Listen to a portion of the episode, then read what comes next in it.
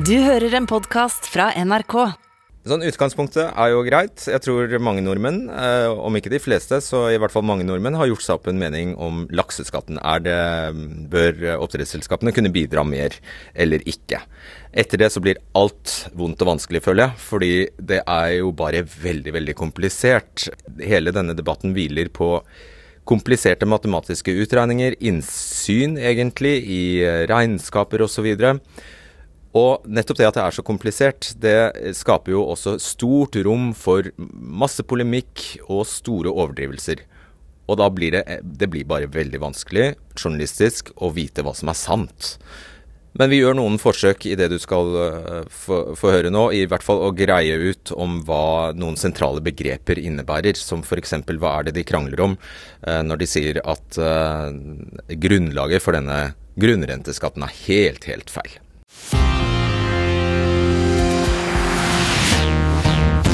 I kveld kom meldingen om at tidligere Arbeiderparti-fiskeriminister Lisbeth Berg-Hansens oppdrettsselskap har sendt ut varsel om permittering til 40 ansatte. Det er 40 mennesker som jobber med filetering, og som risikerer å stå uten jobb fra nyttår.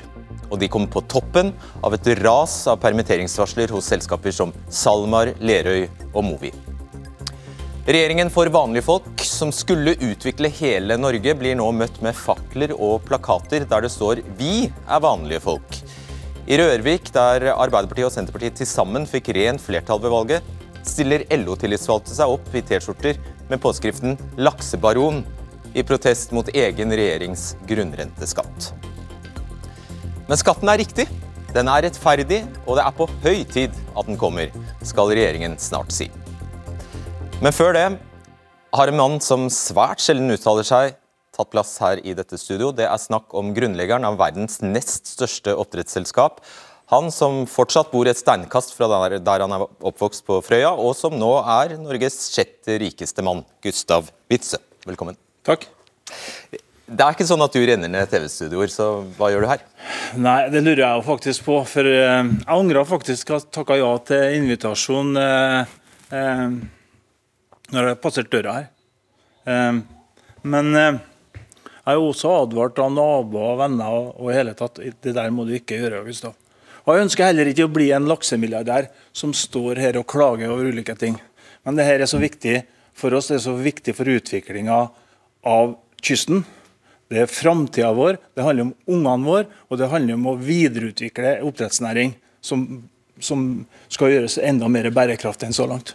Og jeg vet Du er veldig opptatt av at dette SalMar-eventyret eh, Du er opptatt av starten. At det begynner i 1991. Du, eh, du overtar et konkursbo med én lisens. Ta, vi tar kortversjonen av det som har skjedd siden da. Ja, men Jeg har lyst til å begynne før, selv om jeg skal prøve å være kort. Okay. Det, for meg starta det der i når jeg er ferdig på ungdomsskolen på Frøya. Et øysamfunn som var i Det var ikke noe framtid. Eh, Far min sa du må reise her fra Frøya. Det er ikke noe framtid, Gustav. Skaff deg et skikkelig arbeid. Så jeg dro til Trondheim, ble bilmekaniker, flytta til Oslo. Men jeg har hatt sånn hjemlengsel. Alt for meg handla om å komme tilbake til min barndoms grønne dal. Så etter noen år så kom oppdrettsnæringa og begynte å se at det, her er det noen muligheter. Så jeg flytta hjem uten lønn. Levde på kona mi, Odny. Og så gikk det noen år, så kom konkursraset i norsk oppdrettsnæring hvorav naboselskapet Norskagfisk gikk konkurs. Da brukte jeg, jeg spara 2,1 millioner kroner. Måtte bruke alle mine penger for å gå inn og kjøpe det selskapet. Det var ingen som trodde på oss. Men heldigvis så var det noen på Frøya som sammen med undertegnede trodde på at det her skal vi få til. Men det var mange våkenetter og hele tatt. Jeg ber ikke om sympati. Jeg vil bare forklare at det her ikke har kommet så enkelt som det vi kan lese i avisene, og hele tatt, og som vi kan høre fra visse politikere for øyeblikket. Men det som er et uh, uomtvistelig altså Du trengte jo et hav for å gjøre dette her. og du har, uh, Jeg vet vi kommer til å få høre her senere at du har jo i alle disse årene lånt havet. Nær sagt gratis. Ja. Og så har vi betalt for det. Eh, vi har de siste Eh, tre årene i SalMar eh, betalt, eh, eller investert ca. 7 milliarder kroner for å gjort oppdrettsnæringa mer bærekraftig. Vi har investert mm, masse penger på å gå offshore og produsere laks på laksens betingelser i den, dens habitat. Men så har vi i tillegg også tatt ut 6 milliarder kroner i utbytte. Tenk det! 6 milliarder kroner har vi tatt ut i utbytte. Det utbyttet har kommet fra selskapet, men mesteparten har gått til å betale en formuesskatt. Så har vi vært så heldige at vi har brukt 5 milliarder kroner av de lakspengene og investert i Båtsfjorden, i Havøysund, på Senja, på Leknes. For øvrig har du smaka fiskekaker fra, fra Lofotprodukt. Ja. Vi har investert i Trondheim, vi har investert på Hitra. Vi har faktisk også med de lakspengene investert eh, i melkeproduksjon på Røros. Det største selskapet for, bi for biologisk eh, melk. Så det her som jeg føler det, det river, river unna oss for øyeblikket. Ja, fordi det er sånn at uh, du har sendt ut, eller dere, eh, SalMar har sendt ut permitteringsvarsel til 851 uh, personer, og dere sier at det er en direkte sammenheng mellom det og denne grunnrenteskatten som ja. er bebudet. Ja, da må jeg rette opp litt, for det er to elementer i det. Lakseoppdrett svinger over tid, så det er mindre aktivitet mot uh, jul eller uh, januar, februar, mars. Det er normal svinging. I fjor så, så, permitterte vi 630 personer. Ingen ble permittert, det var et permisjonsvarsel. I år er det riktignok. Men det som har kommet i tillegg i år, det er jo statens, regjeringa sitt, eh, usikkerhet knytta til hvordan laksen skal prises. Med det som utgangspunkt så er det ingen i markedet som vil ta en posisjon. Heller ingen av leverandørene som vil ta en posisjon. Og Det er ikke bare en trussel, for vi har hørt dette, dette de siste dagene. Det kan virke som bare en trussel? Ja, Det er jo ikke en trussel. Det er, faktisk, det er jo ingen som vil kjøpe noen ting de ikke vet prisen for det. De kan risikere at når det her er, beslutta, så er skatteprovenyet noe helt annet enn hva vi tar utgangspunkt i. Eh, mannen som står ved siden av deg, Trygve Slagsvold Vedum, var på besøk på Frøya i sommeren 2021, altså rett før eh, valget. Hva fortalte han deg? Nei, Han kom ut over og skulle gjøre sine hoser eh, grønne. Fordi han fortalte at nå er grunnrenteskatten lagt bort. Så kommer de faktisk 11-12 måneder etterpå, og så har de plutselig innført grunnrente. Det når, var, når Vedum var utover første gangen, så satte vi i gang og investerte ca. 2 milliarder kroner på Senja. Vi investerte eh, også på 20 i Steinkjer kommune. Men det, har vi, det er investeringer vi ikke ville gjort hvis en, eh, Vedum hadde vært ærlig med oss den gangen han var på Frøya. Så hva kaller du dem? Nei, i hvert fall et svik. Ikke nødvendigvis bare til undertegnede, men til hel næring. Det er det som er problemet. Selv om du vektlegger de investeringene og alt dette eh, du bruker eh, overskuddet på, så er det jo ikke til å komme unna at det har vært en formidabel eh, profitt i denne næringen. At ditt eget selskap har gått fra 0 til 20 milliarder i omsetning, og at du selv har lagt, lagt, fått en formue på, hvis det stemmer, formidable 50 milliarder. Alt dette her tyder jo på at her er det rom for en skatt. Nå tror jeg vi skal sortere litt. La et bilde, bare. Vi ble avbilda i Adresseavisa knytta til at vi hadde flere milliarder kroner på bok det er noen år tilbake. Nabo, det går ikke så lang tid før nabokona banker på til oss og spør kona mi hvilken bank har de pengene i. Hva får de i rente? Men det er jo ikke det det handler om. Vi har jo våre verdier i laks, ulike selskap opp etter kysten. Det er jo det som, som er vår verdi. Er ikke penger vi har i madrassen, dessverre. Men du har jo, ja, man kommer ikke unna at man kan bli rik på laks i Norge? Ja, det kan en gjøre. Og jeg føler at vi bidrar nettopp av vår rikdom. Og vi ønsker å bidra mer, men det må være forutsigbar. Og så må det være slik at vi kan utvikle både næringa vår, og så ønsker vi også å utvikle kystsamfunn. Det som er stor utfordring for oss, for hele Norge som sådan, det er tilgang på arbeidskraft. Det som vi har en ekstra utfordring på kysten, det er at det er jo ikke bare de åtte timene de er på jobb. Men det er jo de 16 timene de også har fritid. Der må vi ha aktivitet til dem. I Oslo har de den, den type ting. Trondheim har de det.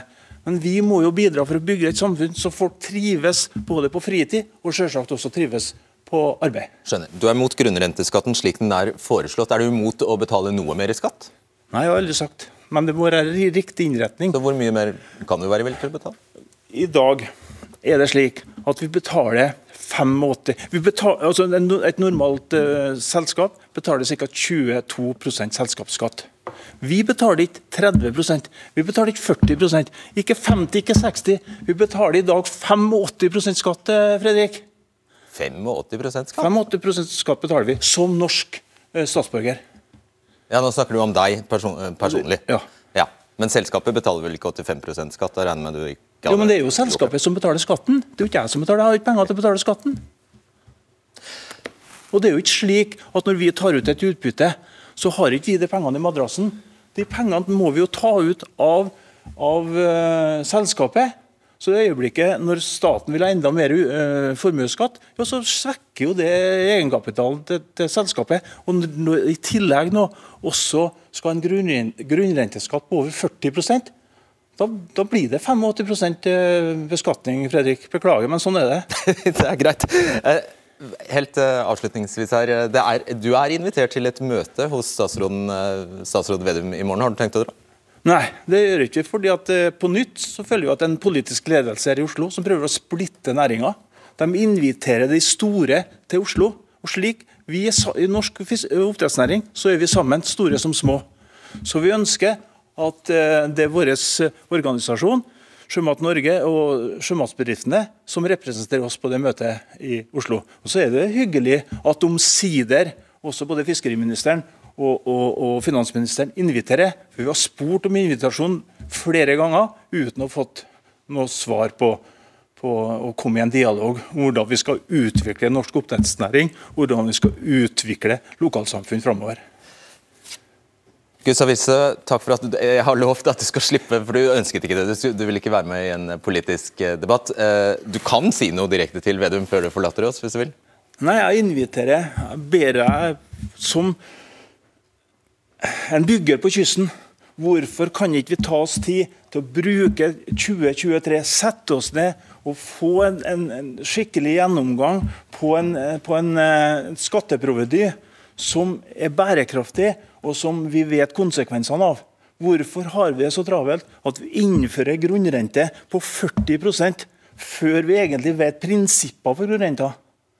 Gi oss tid, så skal vi sammen både bidra mer men også finne en, en, en skatteprovedy som er bærekraftig.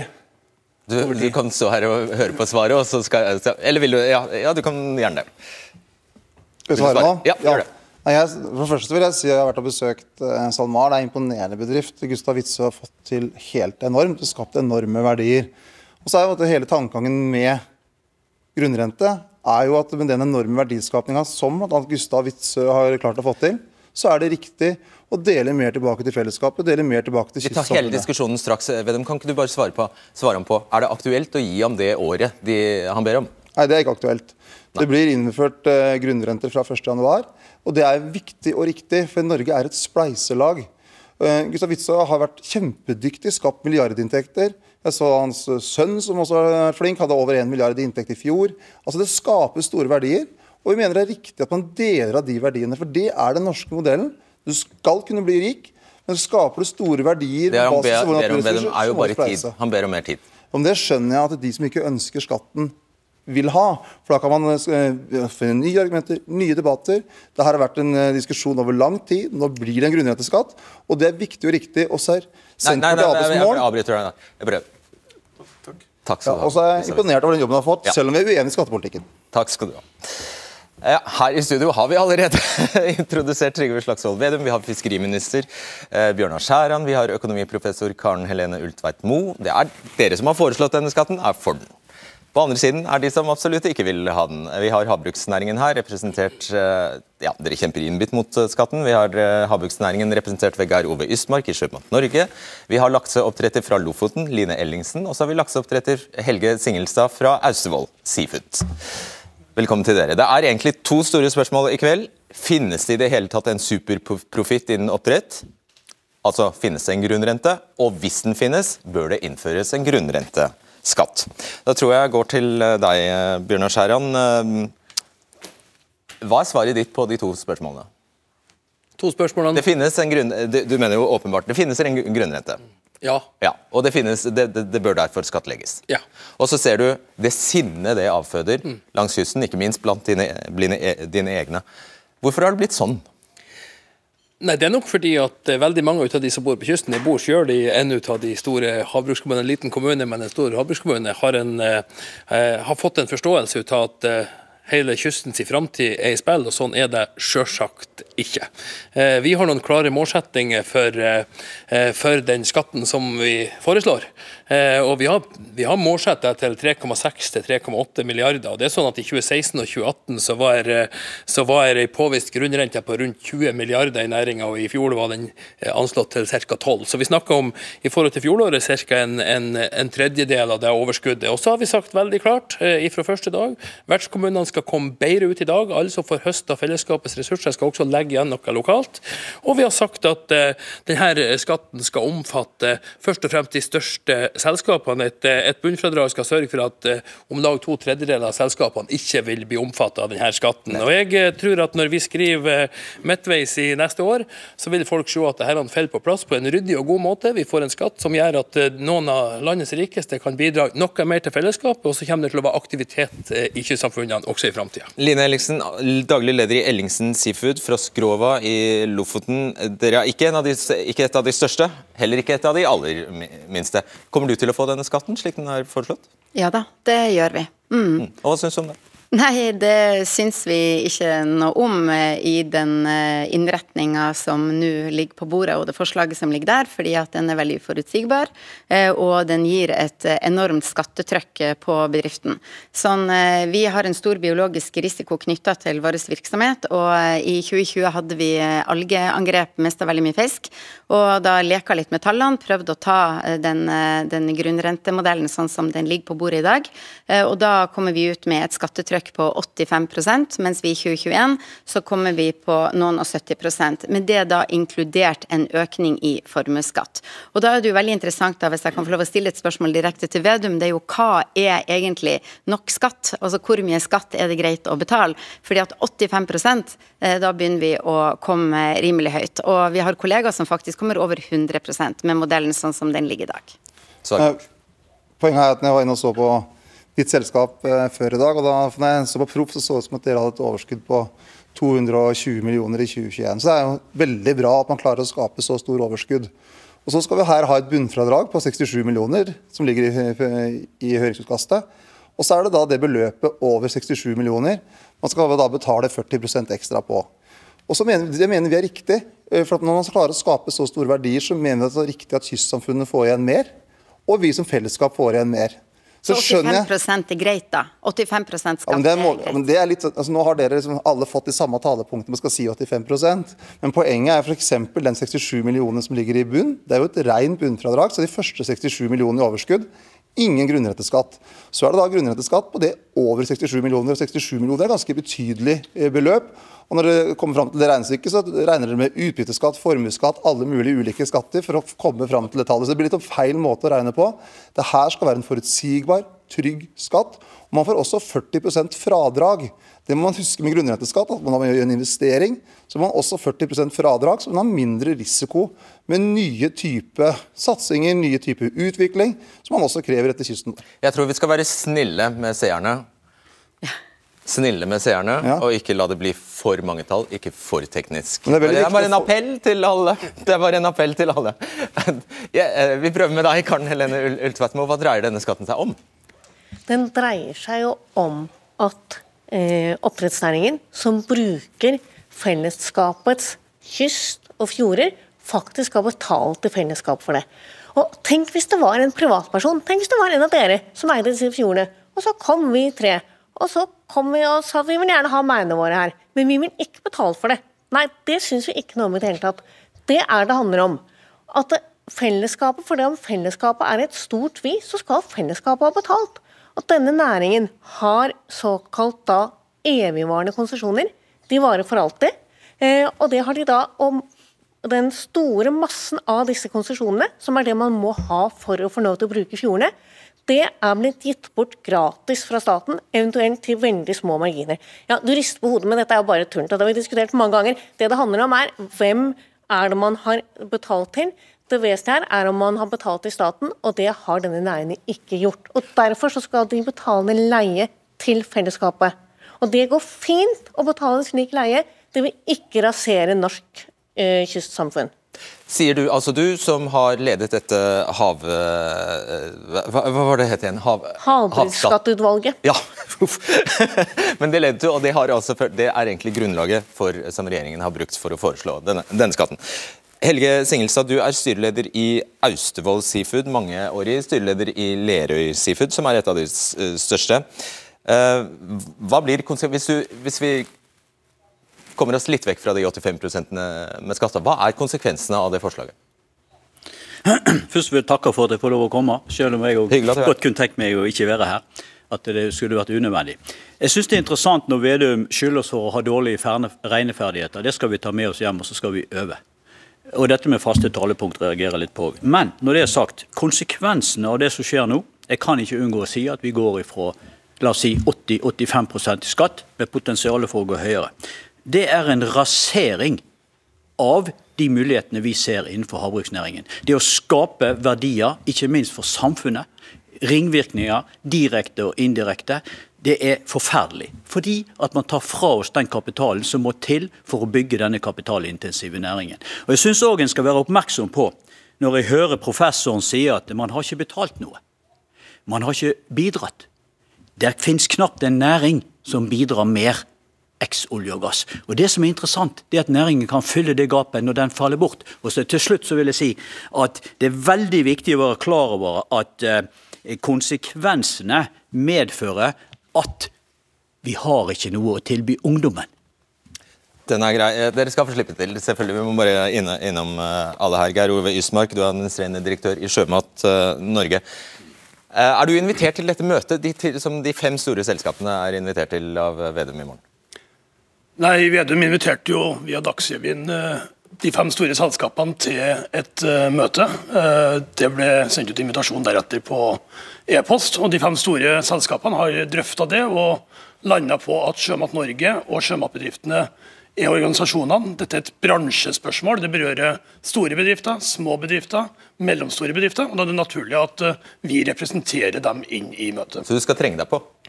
Nei, trenger jeg ikke på. Jeg er, er, ikke jeg er, en, nei, jeg er en, del, en del av partssamarbeidet i Norge. Da er det helt vanlig at bedriftene er medlemmer Men det er ikke deg han vil ha der. Han vil egentlig bare ta for seg de fem store. Men han, Hadde det vært en, et landbruksoppgjør, så hadde han helt sikkert kommet til å invitert Norges Bondelag og ikke de fem største bøndene i Norge, f.eks.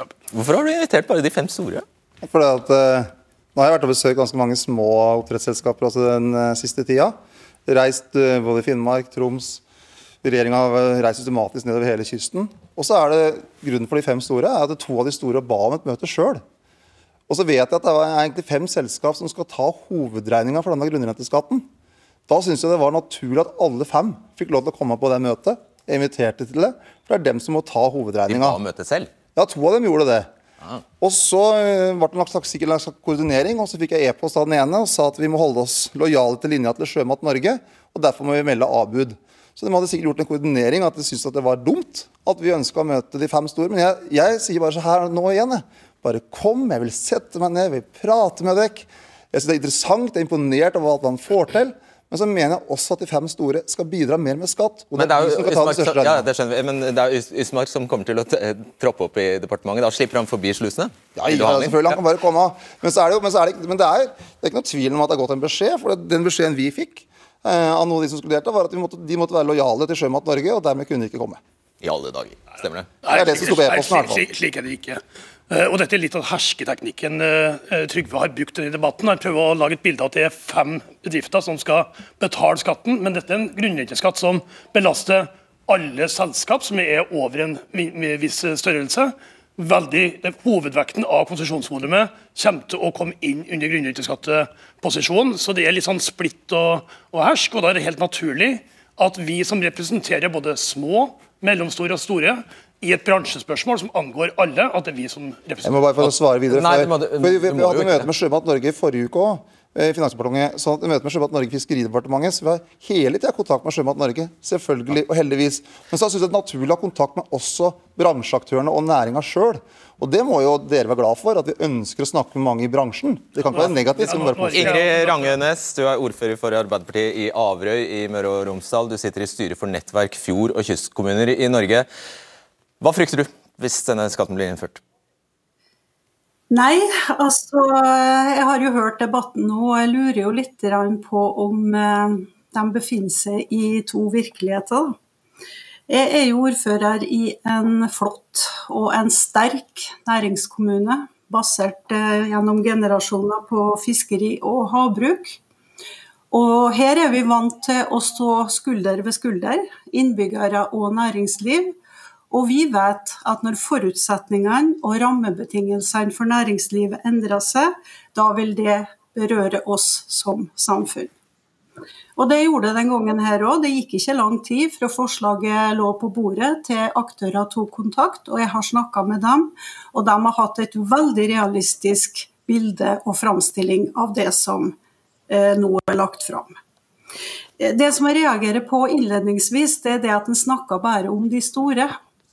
Og Det framstår for meg som litt sånn misforstått Robin Hood. For det er ikke bare de store. Og så snakker han kun om havbruk. Men det er masse ringvirkninger her. Du har leverandørnæringa, du har servicenæringa, du har lokalsamfunn som er bygd opp rundt næringslivet. Det er det første. Jeg savna den der helhetlige debatten, det helhetlige bildet, hva dette betyr for de lokalsamfunnene vi nå snakker om. Så sies det hele tida at vertskommunene skal få mer enn de har i dag.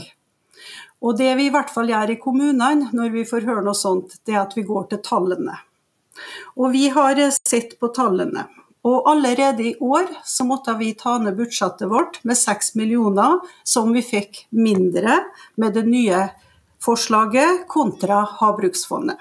Jeg, må, jeg, er bare nødt til å være ganske unådig og knipe deg, for vi har så, så, dårlig tid. Jeg tror jeg takker så mye for, eh, for, innlegget. Tusen takk for at du var med. Og så skal vi snakke, vi, og dette må vi gjøre kjappere enn vi hadde, hadde tenkt, Mats Greaker. Du er professor i samfunnsøkonomi ved Oslo OsloMet. Eh, jeg syns ordet grunnrente er vanskelig å forstå. Jeg skjønner ikke helt hva grunn betyr. Jeg skjønner heller ikke hvorfor det heter rente. Kunne vi ha brukt et annet ord enn grunnrente? Ja, altså, Vi kunne jo også brukt ressursrente, men ordet kommer jo fra det engelske ordet land rent. Og det kan jo oversettes til landleie. Så det er jo egentlig det maksimale man ville betalt for å leie landet. Altså leie disse områdene hvor man kan ha, ha merder med laks i. Men dere mener altså grunnrente det kan finnes, det finnes eh, på eh, mye rart. Det kan finnes på skog, faktisk. Det kan finnes på uh, olje og gass. finnes det jo, På vannkraft. Hvor er det, hvor er det grunnrente finnes? Ja, altså vi, det, vi tar utgangspunkt i at du bruker en naturressurs. og Så ser vi på naturressursnæringen i Norge. og Da er jo skog en naturressurs. Fiske, villfiske er en naturressurs. Eh, bruk av fjorder til å ha merder i er en naturressurs. Og, og, og, Det er jo særlig da i, eller i havbruksnæringen hvor det finnes en stor grunnrente, i tillegg til vannkraft og i tillegg til olje og gass. De tre næringene skiller seg ut med en spesielt stor grunnrente. Og Vi er ikke interessert i den matematiske formelen som du har brukt for å finne ut hvor, nøyaktig hvor mye grunnrente det er innen havbruk, men hva er det dere har kommet, fra, kommet fram til? egentlig? Ja, altså Her har vi beregnet grunnrenten i havbruk. så Dette er en graf på utviklingen av grunnrenten i havbruk over en lang periode, fra 1985 helt frem til 2021. egentlig. Og sånn som Vi gjør det er at vi først tar alle inntektene. Dette er hele næringen sett under ett. Men det er bare den delen av næringen som dreier seg om fisken settes ut i sjøen til den slaktes. Det er bare den delen av verdiskapingen som skjer i sjøen. Tar vi alle inntektene og så trekker vi fra alle kostnadene, og vi trekker også fra den avkastningen man ville fått på kapitalen hvis man hadde investert den på børsen. Så Dette er en ekstrainntekt. Det er den ekstraordinære avkastningen man får, eller profitten om du vil, man får ved å være i havbruk, som er høyere enn det man ville ha fått hvis man investerte i et vanlig selskap på Oslo Børs. En superprofitt. Ja, det er en superprofitt, rett og slett. Og du kan jo se fra figuren her at den går jo opp i 25 milliarder i året på det meste falt ganske mye 2019-2020, antagelig pga. korona, men så er jeg på vei opp igjen i 2021. Hvis jeg klarer å selge, hvis jeg begynner å selge, lage og selge iskrem, og jeg klarer å, det går veldig bra for meg, og jeg klarer å selge isen dobbelt så dyrt som, eh, så, eh, som eh, markedet ellers er villig til å betale, da får jo jeg en kjempeinntekt. og Får jeg da grunnrenteskatt plutselig? Det er jo klart at Man kan for kortere perioder også ha superprofitt i andre næringer, men det som måtte vi kjennetegne det da, er jo at andre vil se hva du gjør, de vil ta etter deg. De vil kunne etablere seg og begynne å konkurrere med deg på din måte, og da forsvinner profitten din. Det er ikke mulig her. For du kan ikke bare etablere deg, få en lisens og sette i gang. Lisensene er regulert av staten, så dette er en næring hvor ikke det er fri etablering, og hvor man da kan ha en superprofitt over mange, mange år fremover. Ok, Tusen takk skal du ha for at du kom og orienterte oss om eh, grunnrente. Mats eh, Greaker. Eh, regjeringen har foreslått at grunnrenteskatten skal være 40 prosent, det, Men hva, av hva da? Det er det store spørsmålet. For her er det om å gjøre å finne den riktige verdien av fisken. Det starter jo med settefisk og ja, smolt, og så står fisken i merdene og vokser i 15-18 måneder. og Deretter fraktes den over i en ventemær. og så er Det akkurat, det er egentlig akkurat nå på det tidspunktet her, når laksen ligger på merdekanten, at det ideelle tidspunktet for å sette verdien av fisken inntrer. Men det er jo vanskelig, så det mest praktiske tidspunktet å veie og verdisette fisken, eh, fisken er når den ligger på slaktebenken. De aller fineste fiskene rapporteres eh, inn til Nasdaq-børsen, og, den prisen er det regjeringen, eh, og det er den prisen regjeringen har foreslått skal være grunnlag for de 40% med grunnrenteskatt. Næringen protesterer på dette og sier ja, da må de skatte av en pris på en laks de nesten aldri får solgt, fordi dette er den fineste laksen. Og de selger mye dårligere laks, som de får mye dårligere betalt for også. Det er egentlig dette som har utløst permitteringene, eller permitteringsvarslene, fordi hele markedet for fastprisavtaler på laks kollapset nærmest over natta etter at lakseskatten ble lansert. Og helt konkret betyr det at alle som håndterer fisken fra den kommer på land, eh, til, altså gjennom hele prosessen her, eh, til den havner i fiskedisken, alt det arbeidet forsvant, hevder næringen. Søren eh, Marten skal vi ha inn i studio eh, nå. Han er ikke her. ja. Jeg sitter her. Er det noen som hører meg? Der, du er i Bergen nå. Der, er, er det jeg som der eh, tuller. Hei, der er du. det er veldig, veldig, fint å ha deg med, Martens. Du, eh, du er administrerende direktør i Fishpool. Eh, hva er det for noe? Vi er en del av Oslo Børs, og vi driver det regulerte kontraktsmarkedet for laksekontrakter inntil to år frem i tid. Så hos oss kan en lakseoppdretter sikre inntekten sin to år frem i tid. Og like, det som kanskje enda viktigere, det er at kjøperne rundt i Europa kan sikre sin eh, kostnad frem i tid. Så hvis et uh, lakserøykeri f.eks. har lyst til å inngå en kontrakt med et supermarked, så vil de ha trygghet på hva vil laksen koste. Spotprisen i år har f.eks. svingt mellom 57 kroner og 125 kroner, så det er en kjemperisiko å inngå en fastpriskontrakt uten å vite hva laksen koster. Det er derfor, for det som har skjedd her, er at lakseprodusentene har satt prisen kjempehøyt, fordi de, de sier de vet ikke hvilken skatt som kommer, og da er det ingen som vil kjøpe disse kontraktene. Eller altså som, disse kontraktene. Høsten er den store kontraktsesongen hvor det inngås veldig mye kontrakter på 2023. Så frem til uh, i september så ble det inngått kontrakter på en, bortimot en milliard kroner til en pris rundt 81-85, men så kom en lakseskatt, og dermed så ble det plutselig bomstopp. Uh, de fleste sier at de vil ikke tørre å inngå noen kontrakter, for de vet ikke helt uh, hva skatten blir. Og de som inngår kontrakter, vil ikke lenger selge til 81-82, men vi har inngått en del kontrakter rundt 90-89 eh, kroner. For da vil de ha en ekstra risikopremie. Og veldig få kjøpere sier at de greier å få det igjen hos sine kunder igjen. Og dermed stopper kontraktsmarkedet bortimot helt opp. Ja, du, Vi tar kortversjonen her. Hva skal til for å løse denne floken? Altså Det som må til, er at uh, vi får en løsning hvor kontrakter blir inkludert i uh, grunnlaget for skatten. I dag uh, er forslaget at 100% av inntekten skal regnes ut fra en teoretisk spotpris.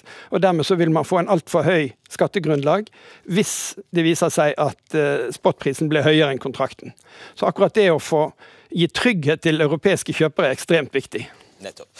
Takk skal du ha, Søren Martens, for at du var med oss fra Bergen, selvfølgelig. Tusen takk skal du ha. Eh, dette er vel egentlig det man kan kalle for det var, Dette kan umulig ha vært eh, tilsiktet, Vedum. Dette må ha vært en, en blemme? Ja, det som er Poenget og det har jeg sagt hele tiden, at vi skal ha en skatt på de reelle inntektene man, man, får. Det er ikke sånn at Hvis et uh, selskap har inntekter på 1 milliard, så skal man få skatt på to. Det skal være de reelle inntektene. og Når man ser også på høringsutkastet, så står det ikke normpris, altså normpriser. Og Vi har vært veldig tydelige på hele tiden. Det er de reelle inntektene. og Det var også en av grunnene for at jeg ønska å ha møte med de fem store i morgen. At de kunne sette seg sammen med de fremste skatteekspertene i Norge, få trygghet rundt dette her vite at det er de reelle inntektene, for det er hele målsettingen. Skal verken skatte for mye eller for lite, men man skal ha en grunnrenteskatt. Det må næringa forsone seg med, for det blir det.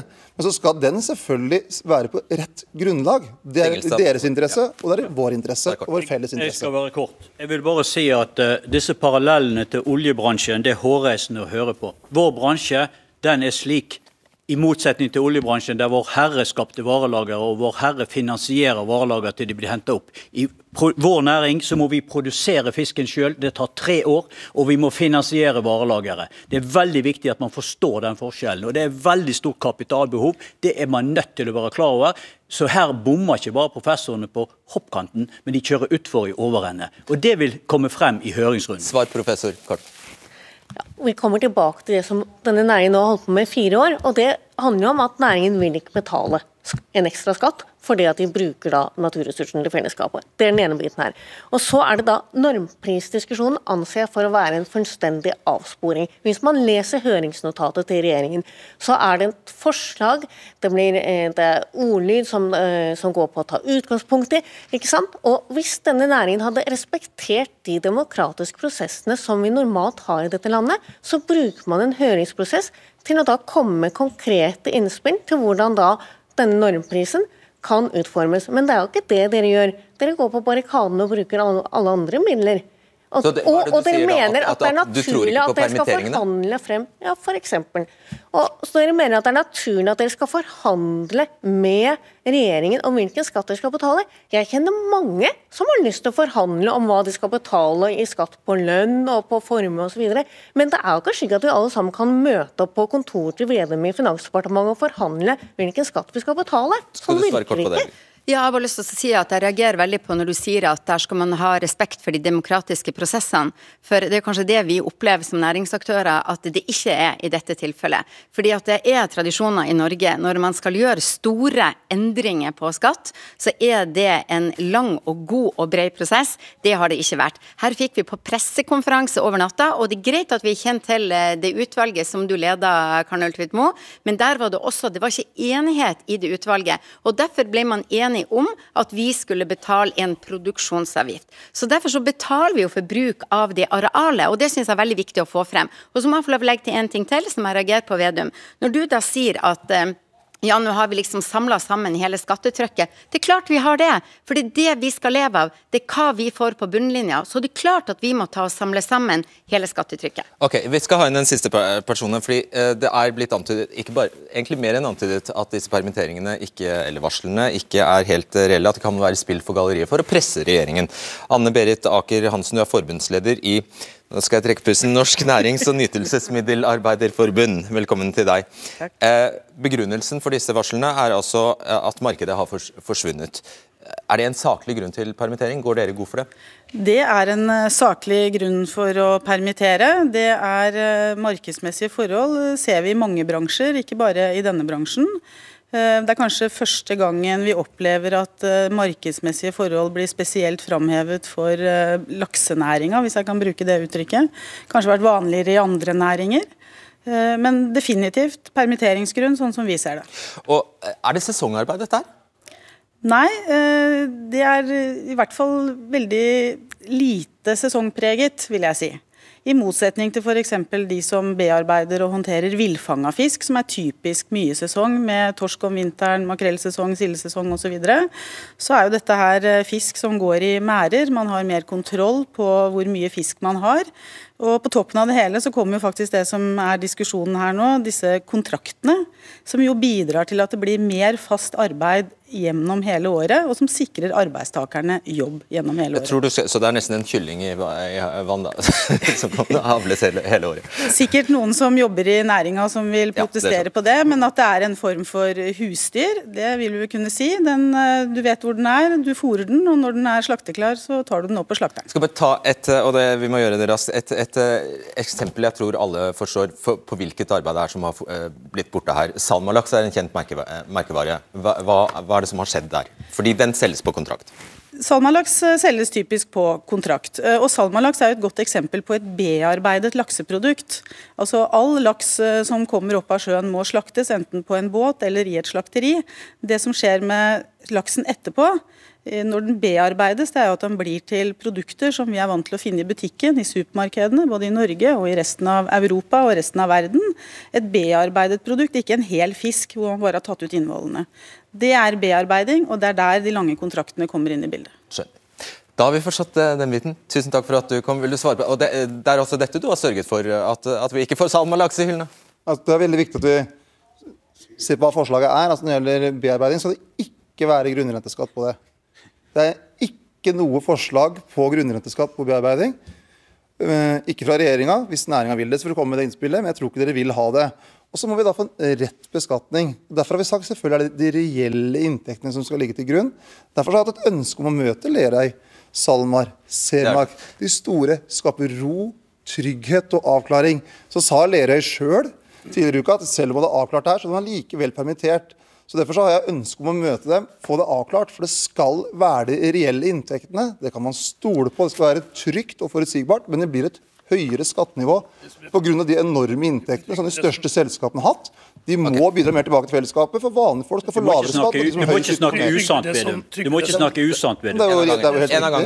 Trygve, det som er problemet, det er at man innfører en skatt fra 1.1.2023 med høringsfrist 4 januar 2023, som skal vedtas i Stortinget nærmere sommeren. Det betyr at disse to må forholde seg til en skatt de ikke vet hvordan er innretta. De vet ikke om disse forslagene blir vedtatt. De vet det er en mindretallsregjering som skal forhandle i Stortinget. Det er skapt en voldsom usikkerhet. Det er skapt usikkerhet om denne prismekanismen. Det er skapt usikkerhet om hva som er fradragsberettiget. Det er i det hele tatt skapt store usikkerheter, som har nå ført til 35 milliarder i stansa, forskjøvet og reduserte investeringer, som har skapt permitteringer langs kysten. Det tenker jeg at vi må ta på alvor. Og vi kan løse det ganske enkelt. Forskyv iverksettingstidspunktet til 1.1.2024, så bruker vi denne våren sammen på å lage et skattesystem som vi synes er robust. Det er måten man pleier å gjøre det på, og ikke den måten dere gjør det på. Kommer det i det hele tatt på tale å utsette? Nei, vi er innstilt på at eh, den, eh, det skatteforslaget som vi har fremme, det skal vi legge frem for Stortinget når denne høringsprosessen er over. Vi har fått bearbeidet innspillene vi har fått, og vi får utforme det endelige forslaget til Stortinget. Og Så snakkes det om at det er skapt usikkerhet. Vel, jeg registrerer at finansministeren har snakka nesten til det kjedsommelige om at det er de reelle inntektene som skal legges til grunn. Likevel så står altså aktørene og snakker om at det er veldig stor usikkerhet knyttet til hvordan det skal skje. Kan vi ikke eh, stole på det som står i forslaget da, altså? Jeg tenker at Finansministeren har redegjort ganske, ganske, godt for det. Jeg hører også at man ser for seg at man i morgen skal ha en type forhandlingsmøte. I morgen var det uh, lagt opp til et møte der, der, to selskaper hadde bedt om møte. Finansministeren ønska å utvide, han har bedt meg om å være med på møtet. Jeg hørte tidligere i dag at SalMar ikke fikk møte med oss. Vel, jeg var reisende på, uh, på Frøya, jeg har møtt SalMar. Dessverre var det sånn at Witzøe ikke fikk anledning til å møte meg på søndag. Det var helt greit. Vi hadde en avtale, helt greit. men men her fortelles historier som jeg ikke kjenner meg igjen i. og Jeg syns vi, vi, vi, skal være så rause med hverandre at vi, vi, må snakke om de reelle tingene her. Okay, det er vi enige om. Dette møtet tror jeg har fått mer enn nok oppmerksomhet før det har begynt. Det blir spennende å se hva som kommer ut, ut av det. Og eh, jeg tror bare det er over. Jeg tror jeg må si takk til, til dere, og at debatten er tilbake på tirsdag. Takk for at du ser på. Jeg tror jeg gjentar eh, en stor takk til Gustav Witzøe, som eh, stilte til tross for at han eh, jeg vet det satt veldig langt inne for han å stille, han liker det bare ikke. Eh, men det er selvfølgelig sånne møter mellom de som blir rammet av et vedtak, og de som et, eh, fatter et vedtak. Det er sånne møter vi jo gjerne vil dyrke i debatten. Så mm, takk til alle som deltok, og så høres vi bare igjen. Ha det bra. Du har hørt en podkast fra NRK. De nyeste episodene hører du først i appen NRK Radio.